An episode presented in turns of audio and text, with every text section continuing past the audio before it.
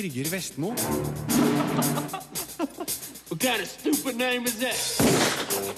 Jaså, Filmpolitiet. Det må bety at det er fredag, og at du hører på P3.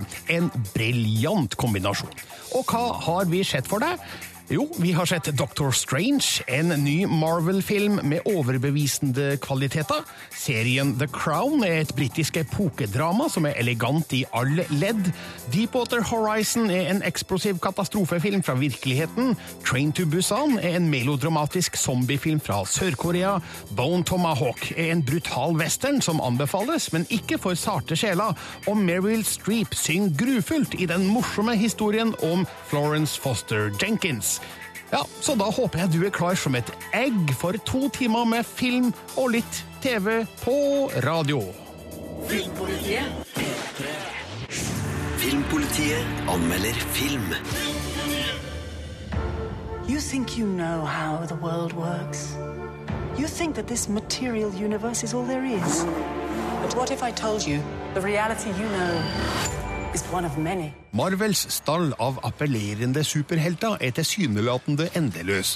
Nå er det Steve Ditko's figur Doctor Strange, skapt i 1963, som tar steget fra tegneserieruta til filmlerretet med overbevisende kvaliteter. Visst følger den blockbuster-oppskrifta for moderne superhelthistorier, og sjølsagt frir den til publikum med den samme humoristiske snerten som andre Marvel-suksesser, som Iron Man, Thor og resten av The Avengers, helteuniverset som også Doctor Strange er en del av.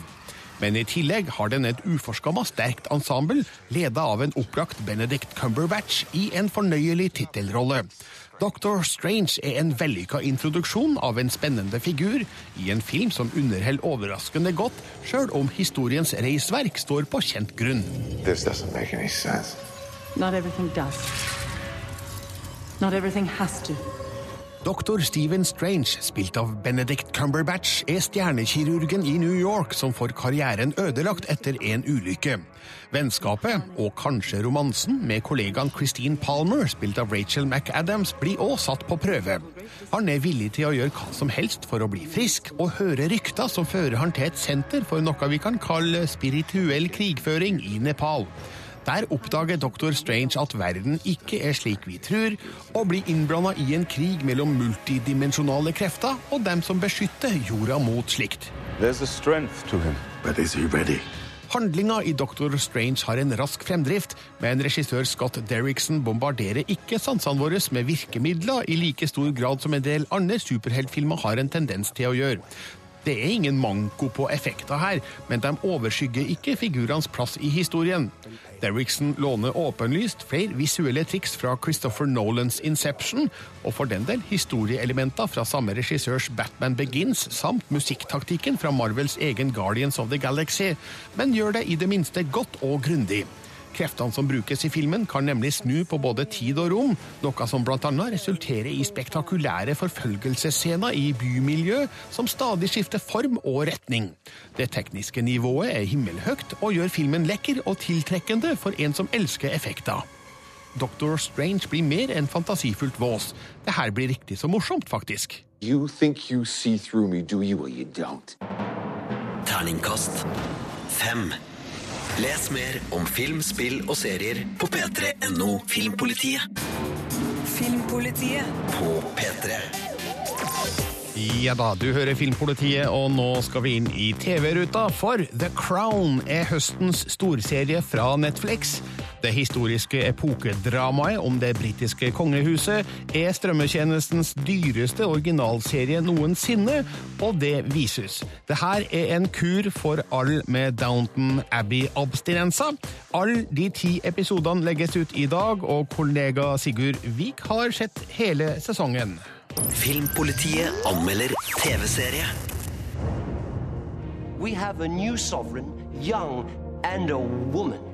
The Crown er en storslått og vellykka historietime som tar for seg det britiske kongehuset i den innholdsrike etterkrigstida.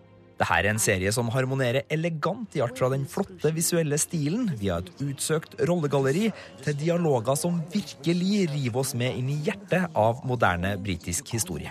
This new Elizabethan age comes at a time when mankind stands on the edge of catastrophe. Vi blir presentert for det britiske kongehuset i 1947, da en ung dronning Elisabeth, spilt av Claire Foy, gifter seg med sin elskede prins Philip. Dermed er vi plassert på trappene for flere store omveltninger, både for de kongelige og for Storbritannias politiske ledelse i årene som følger. Because it's a private matter. Nothing you or His Royal Highness does is a private matter. The Crown har allerede rukket å bli spøkefullt omtalt som Crownton Abbey pga. sin likhet med Downton Abbey. Og serien er absolutt knallgod på både kostymer, kutymer og på å skildre den sterke og konservative makta som sitter i veggene på en institusjon som Buckingham Palace. Men denne serien strekker seg langt utover intrigene og begivenhetene i kongehusets indre gemakker. 1950-tallet er en brytningstid hvor Storbritannias konservative holdninger som stormakt, monarki og kirkestat blir utfordra av både opinion og av kongefamiliens egne medlemmer. Innenrikspolitiske kamper, et vaklende britisk imperium og avfallsstoffene etter krigen ulmer i bakgrunnen, og i forgrunnen står unge Elisabeth. Og serieskaper Peter Morgan klarer å veve sammen denne kontrasten og balansen mellom person og epoke på mesterlig vis. Godt hjulpet av skuespillere som kan både kunsten å dele en scene, men også kunsten å stjele en scene. Don't you get sick of it all? And lonely? I do. The Crown byr på noen eksepsjonelt gode enkeltepisoder. Her glitrer serien i all sin prakt og viser på imponerende vis fram TV-seriens store styrker som formidler av historisk drama.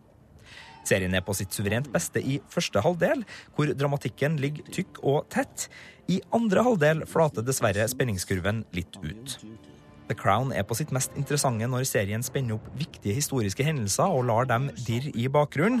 En kan sette spørsmålstegn ved om serieskaper Peter Morgan kanskje burde ha valgt å styrke noen av de utenrikspolitiske trådene idet sesongen ebber ut. Men The Crown blir aldri kjedelig og er alltid velspilt og velkomponert ned til minste detalj.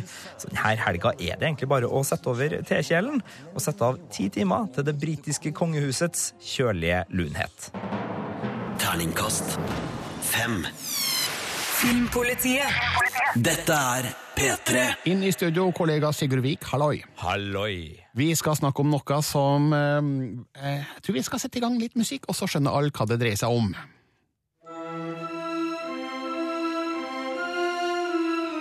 Åh, ja. Det skal dreie seg om Harry Potter.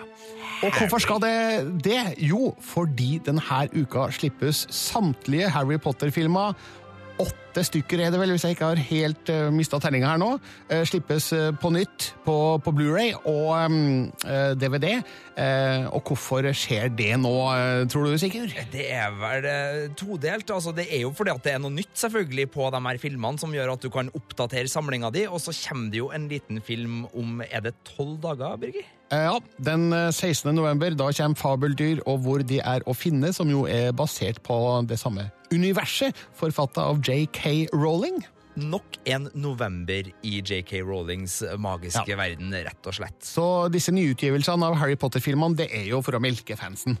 Det kan vi vel. Hvis vi var kyniske menn, så ville vi vel kanskje si det. Og så er det jo en ny Harry Potter-bok også, som er i bokhandelen i disse dager. Så det kan Ja. jo være Mhm. at det er for å melke det litt. Det, det er mange som klager på sånt. Som Ja. er sure fordi og nå skal man bare flå fansen. Men mitt synspunkt på det er det er ingen som tvinger deg til å kjøpe det her. Nei, og du har jo ikke bare liksom uh, gått litt sånn og, og gledd deg på kino. Du har jo dratt Harry Potter-interessen din videre nå nylig, fikk jeg med meg på sosiale medier. Ja, Birger. det stemmer det, for jeg var i eh, England forrige helg eh, med familien, og vi dro til Warner Bros. Studio Tour i Watford, like nordvest for London blir det vel.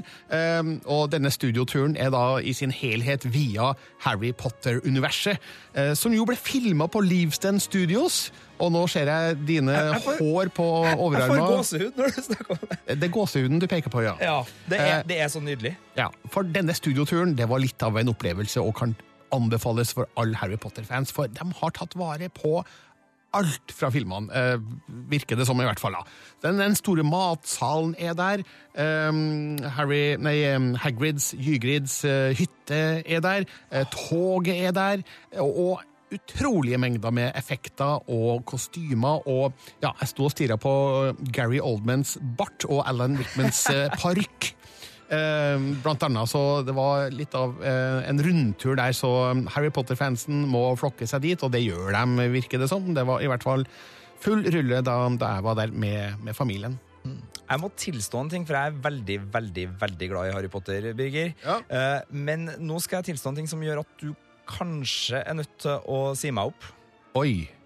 For når det gjelder akkurat Harry Potter, så er det ikke filmene jeg liker aller, aller best. Det er bøkene i lydbokformat uh, lest av Stephen Fry. Det er det jeg koser meg aller mest med. Dem har jeg hørt en tre-fire ganger, tror jeg. Og når det begynner å nærme seg jul, og jeg har noen timer der jeg har lyst til å komme i skikkelig skikkelig god, god sånn julestemning-ish, så, så setter jeg på dem. Ja. Da har du fem minutter til å rydde pulten din og dra. Ja. Nei, ja. Nei, selvfølgelig det er lov å foretrekke Det er det eneste gangen, altså. Det er eneste gangen. Eh, nå eh, er det jo da slik at eh, disse åtte Harry Potter-filmene utgis på nytt, og, og i den anledning så har jeg vært i arkivet, og så har jeg funnet anmeldelsen min av den aller første Harry Potter-filmen, altså Harry Potter og De vise stein fra 2001, og det skal vi høre på. Hvordan likte jeg den første Harry Potter-filmen da fenomenet var forholdsvis nytt? Filmpolitiet. Does that sound good to you? På P3. Vi snakka om Harry Potter i sted. Hva gjorde du 23. november 2001, Sigurd Vik? Uh, skal vi se Altså, jeg spør om, Var du på premieren på Harry Potter og De vises sten? Nei, jeg var ikke det, for jeg kom først inn i Harry Potter-filmene på film tre. Ah, Jeg var litt, altså Det var litt som barnefilm. Jeg jobba på kino på den tida, husker jeg, når, når uh, Fangen fra Askaban kom. Så jeg måtte vise den veldig mange ganger på Orkanger kino i Trøndelag. Jeg fikk vist den sju ganger på ei helg, tror jeg, og da ble jeg hekta. Men det var først der jeg kom inn ordentlig i det. Men i november 2001 jobba jeg i eh, noe som het eh, Filmpolitiet. Flott program. Ikke sant? Vi skrur tida tilbake til mm, 23. november 2001. Her er min dom over den aller første Harry Potter-filmen. Filmpolitiet anmelder film. You're a wizard, Harry. I'm a what? A wizard. And a thumping good one, I'd wager, once you trade up a little. No, you've made a mistake. I mean, I can't be a, a, a wizard. Du behøver egentlig ikke se denne filmen. Du har sett den før. I hodet ditt. Det vil si om du har lest boka, sjølsagt. Alt er filma akkurat som det står beskrevet i JK Rowlings første bok om hele verdens favorittmagiker. Jeg vet alt som skal skje, og sånn cirka hvordan det vil se ut. Derfor føles filmen av og til litt kjedelig. Likevel er det ganske gøy å se Harry i levende livet. Excuse me. Could, could you tell me how to how to get onto the platform? Not to worry, dear. It's Ron's first time to Hogwarts as well. Now, all you've got to do is walk straight at the wall between platforms nine and ten. Best do it at a bit of a run if you're nervous.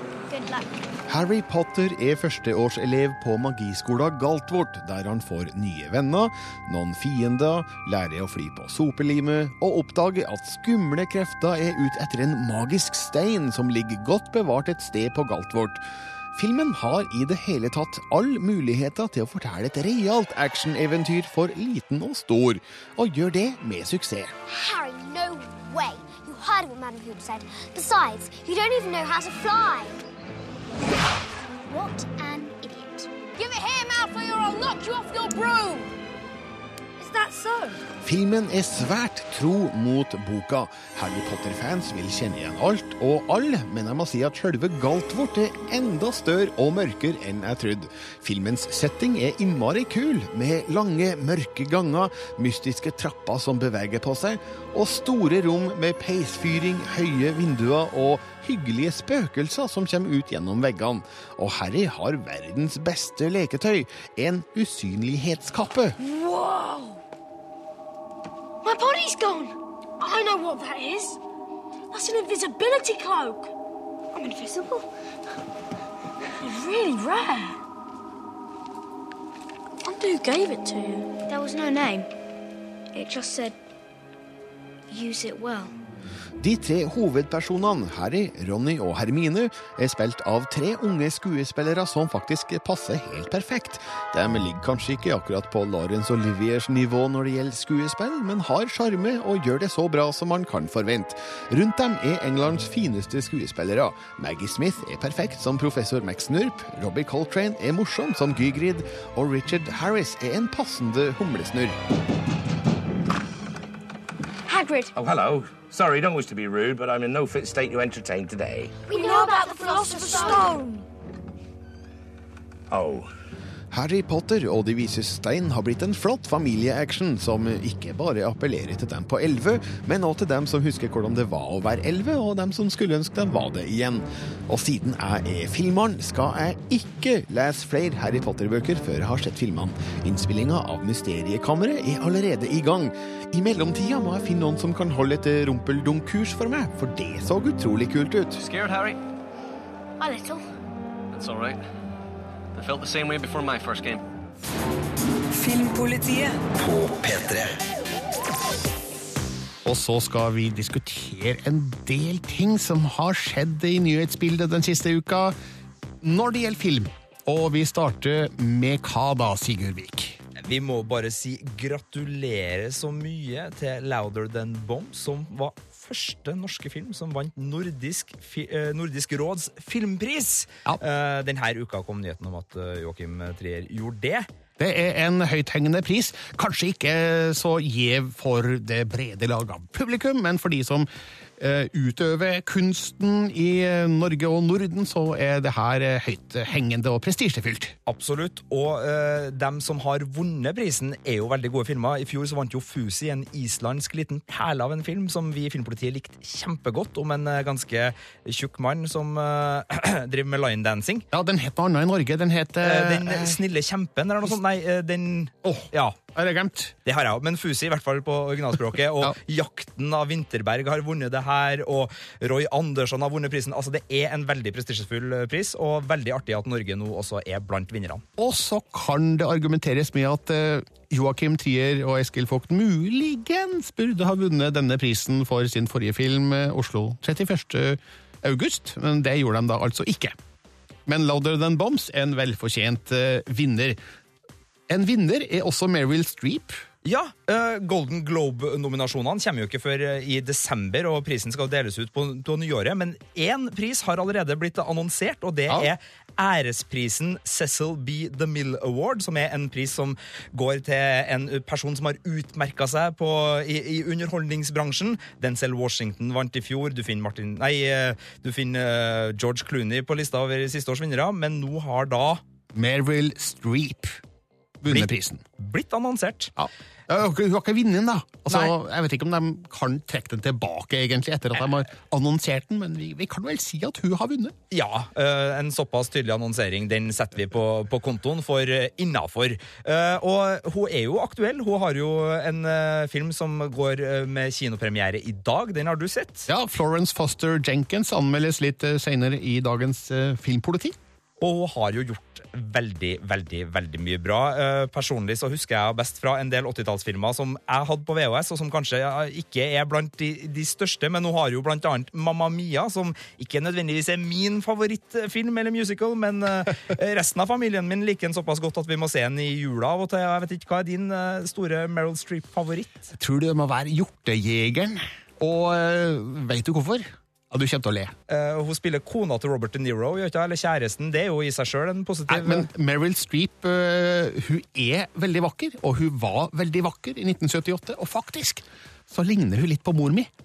Se der, ja. ja, ja, ja. Kanskje det er derfor mitt hjerte banker ekstra varmt for Meryl Streep. Jeg vet ikke. Hva syns du da om Mamma Mia? Elsker Mamma Mia. det kan jeg tenke meg. Jeg laga til og med en syngende anmeldelse av den filmen, hvis du husker det. Det gjør jeg når du sier det. Ja, det, det uh, gjorde du, Birger. Filmpolitiet Does that sound good to you? På P3. Og det er mange som elsker Stranger Things, Sigurd, og vi har en eh, god nyhet til alle dem. Ja, vi tror i hvert fall det. Det gjelder nemlig en av ja, kanskje favorittkarakterene til veldig mange. Dette var en serie som kom i sommer, og som skapte 80-tallsnostalgi for både dem som var uh, ung på 80-tallet, og dem som er ung nå. Og Eleven var en karakter som virkelig eh, fungerte. Det er litt eh, superkrefter på gang der, og en veldig god rolle av Millie Bobby Brown, som da spiller Eleven. Hun er nå bekrefta til, TV, nei, til sesong to, påstår TV Line. Ja. Netflix vil ikke kommentere, men TV Line, som er en forholdsvis troverdig kilde, eh, sier at de har kilder som har confirma at hun skal dukke opp i sesong to, som skal komme i 2017, og som vi ikke vet så veldig mye om. Men det har kommet en teaser med noen episodetitler, og det er snakk om at det skal foregå på høsten i 1984, så vi vet litt. Men eh, ja. Ja, Vi kan altså ikke bekrefte at Millie Bobby Brown, aka Eleven, returnerer, men vi kan bekrefte at noen påstår at det er bekrefta. Ja, altså vi, vi kan påstå at TV Line bekrefter det, for de bruker ordet 'confirm', men så sier de også at Netflix ikke vil kommentere, så så uh, bekreftende kan vi være. Ja, Men selvfølgelig kommer hun tilbake. Noe annet ville vært galskap både for Millie Bobby Browns karriere og for uh, Stranger Things uh, sesong to. Jeg gleder meg til den, Birger. Uh, ja, OK, da. Jo, jeg gjør også det. Uh, jeg vet ikke om jeg gleder meg så veldig mye til Steven Segals uh, fremtidsutsikter, for hva skjer med den gamle actionstjerna nå, Sigurd? Uh, han har fått seg et nytt statsborgerskap, fikk vi vite i går, var det vel. Vladimir Putin, Russlands store leder, har tatt imot Steven Segal med åpne armer, gitt han en bjørneklem, regner jeg med, og sagt at du er også statsborger av Russland, Steven Segal. Ja, Sånn på papiret, eller sånn ja, det, symbolsk? Det virka veldig offisielt. Han kan vel kalle seg borger av Russland, er det det sto i hvert fall. Så jeg regner med det må være noe papir inni bildet der. Har Putin en sånn langsiktig plan om å samle inn vestlige filmstjerner? Altså Gerard Depardieu vet vi jo har lefla med Russland. Jeg ser for meg at en slags Expendables uh, russisk edition uh, kanskje står på trappene, hvor uh, han driver og lager sin egen stjernelag. Et, kanskje om jeg ville ha droppa Depardieu i, i, den filmen. Og jeg har sett bilder av Steven Segal i siste, og han er jo ikke veltrent. Uh, men kanskje det er mer en sånn bestefar-komedie, type Space Cowboys eller noe sånt han driver og, og lager en versjon av. Jeg må si, jeg elsker Steven Segals tidlige filmer. altså Nico, Out to Kill, um, Under Siege. Jeg slutta vel egentlig å følge Segal etter Under Siege 2, tror jeg. Ja, det er den på toget, ikke sant? Ja. Die Hard On The Train, som den også har blitt uh, omtalt som. Ja. Jo da, uh, han, jeg, jeg, så noen av de der 2000-tallsfilmene hans, men uh, det var veldig vanskelig å, å glede seg altfor mye over det. altså. Og nå skal Steven Segal bli russer. Filmpolitiet.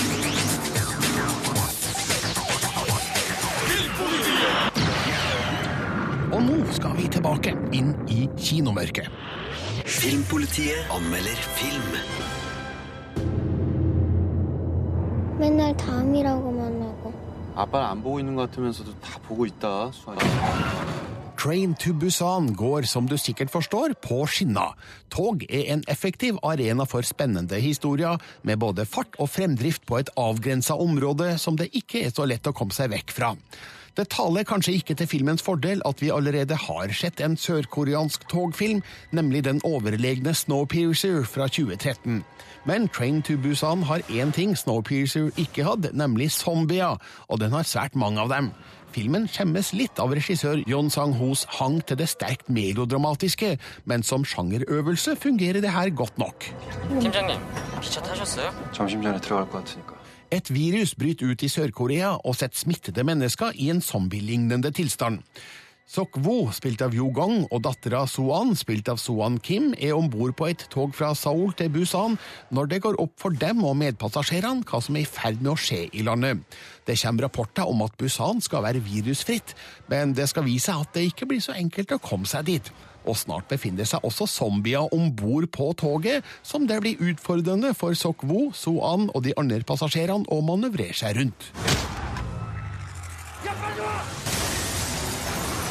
Train to Busan åpner på en måte som er kjent fra andre katastrofefilmer, der vanlige mennesker bedriver sine gjøremål, mens små tegn i bakgrunnen viser hva som er på vei.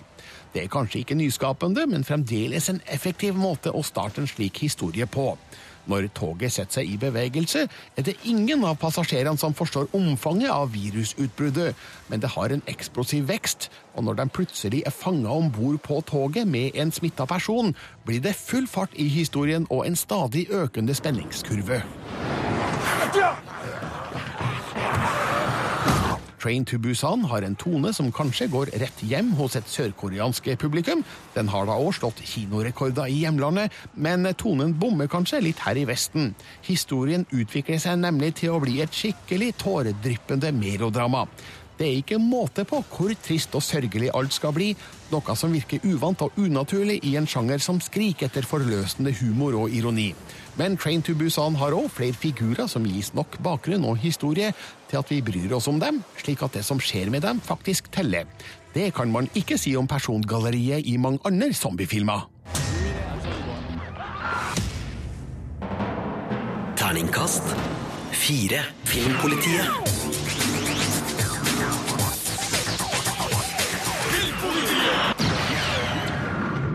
Hevn, kannibalisme og vakre westernlandskap står på menyen i Bone Tomahawk, en horrorwestern med blant annet Kirk Russell og Patrick Wilson i hovedrollene, som kommer på kino med en tydelig 18 års aldersgrense.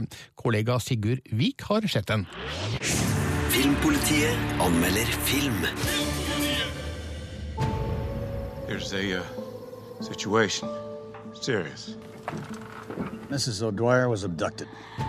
Den er ikke for de sarte sjeler, filmen Bone Tomahawk. Det her er en estetisk forseggjort og seigt fortalt jaktwestern med innslag av splatter som utvider den klassiske cowboy mot indianer-myten til å gjelde en særdeles brutal og innavla stamme kannibaler i den ville vesten. You know did this? They don't have a name.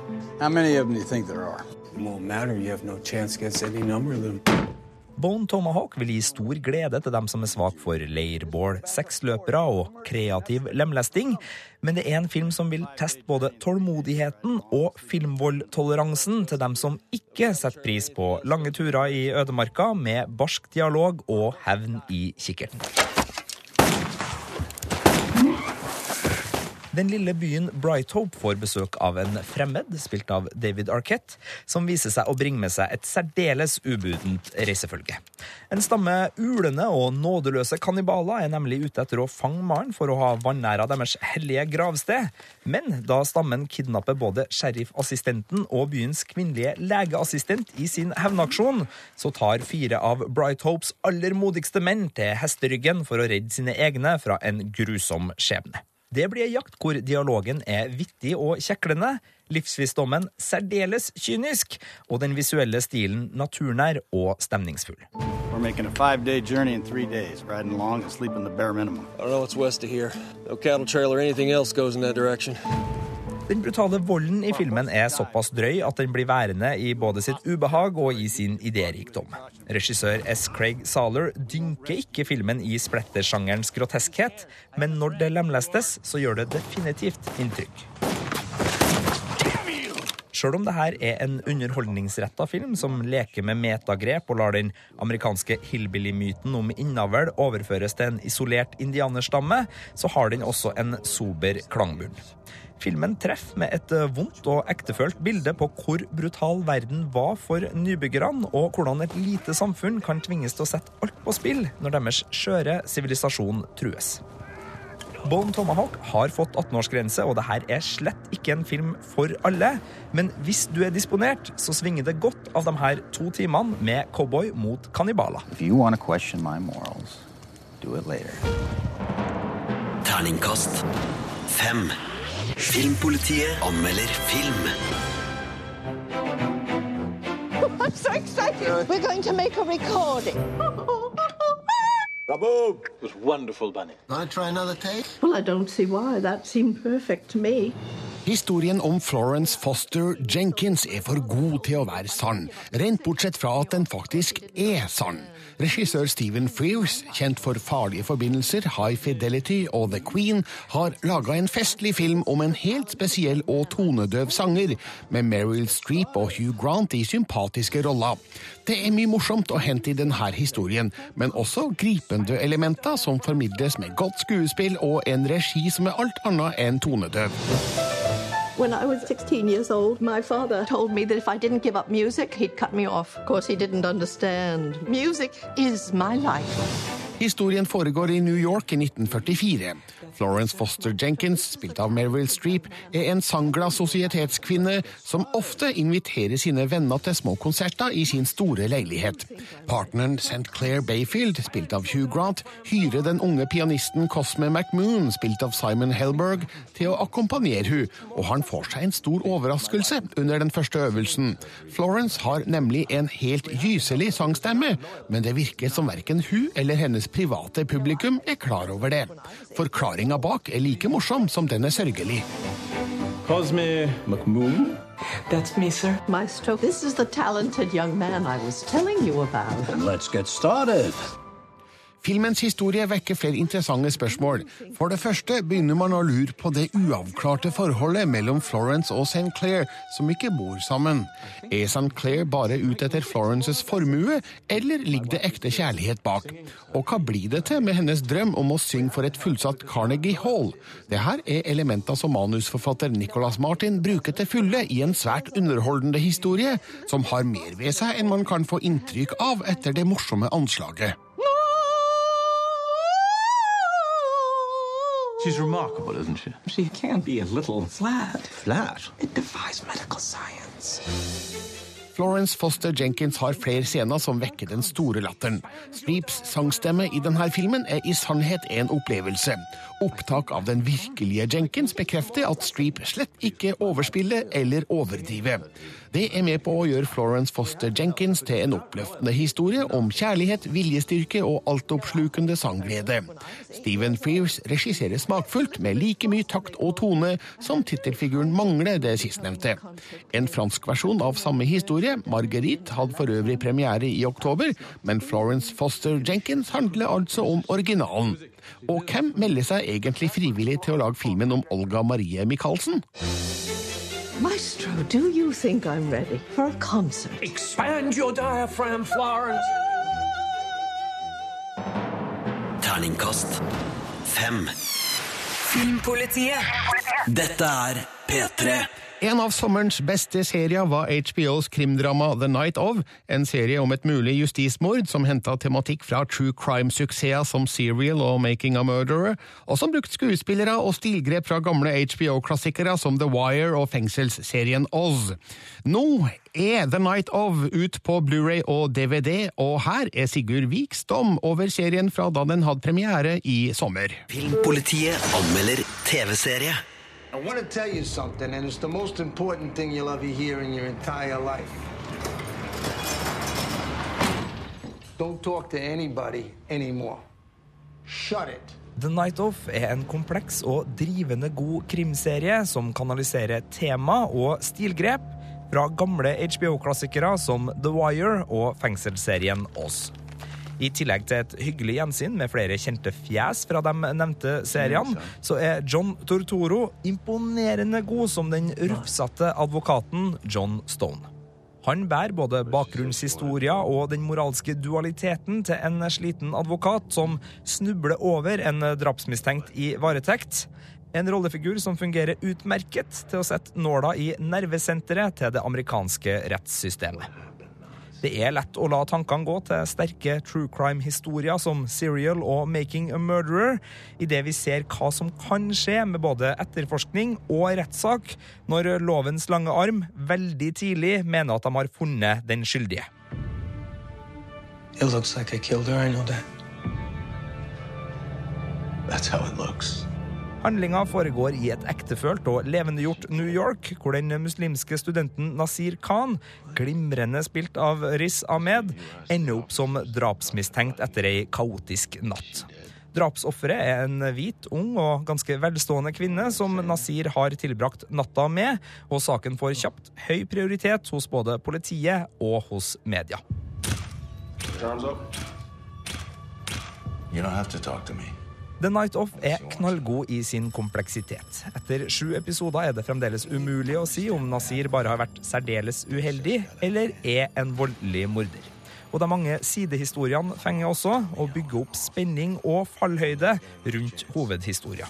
Det er noen plasser situasjonene eskalerer vel raskt i denne stort sett perfekt oppbygde krimkomposisjonen, men det er ikke noe som ødelegger opplevelsen. She dead? The Night Off er en serie som ser veldig bra ut på skjermen, og den behersker kunsten å fortelle med musikk. Best er likevel rollegalleriet, som virker å sprette naturlig ut av fortauskanter og kontorbygg i New York, med sin personlighet skrevet i ansiktsuttrykkene. Og når sånne typer i tillegg får boltre seg med smart dialog og gjenkjennelige karakterbrister, så blir det veldig lett å investere tid og følelser i dramatikken. Terningkast fem. Dette er Filmpolitiet Filmpolitiet på P3. HBO-serien The Night Of ble anmeldt av Sigurd Vik, og den er nå også tilgjengelig på Blu-ray og DVD. Filmpolitiet. Filmpolitiet Les mer om film, spill og serier på p3.no Filmpolitiet.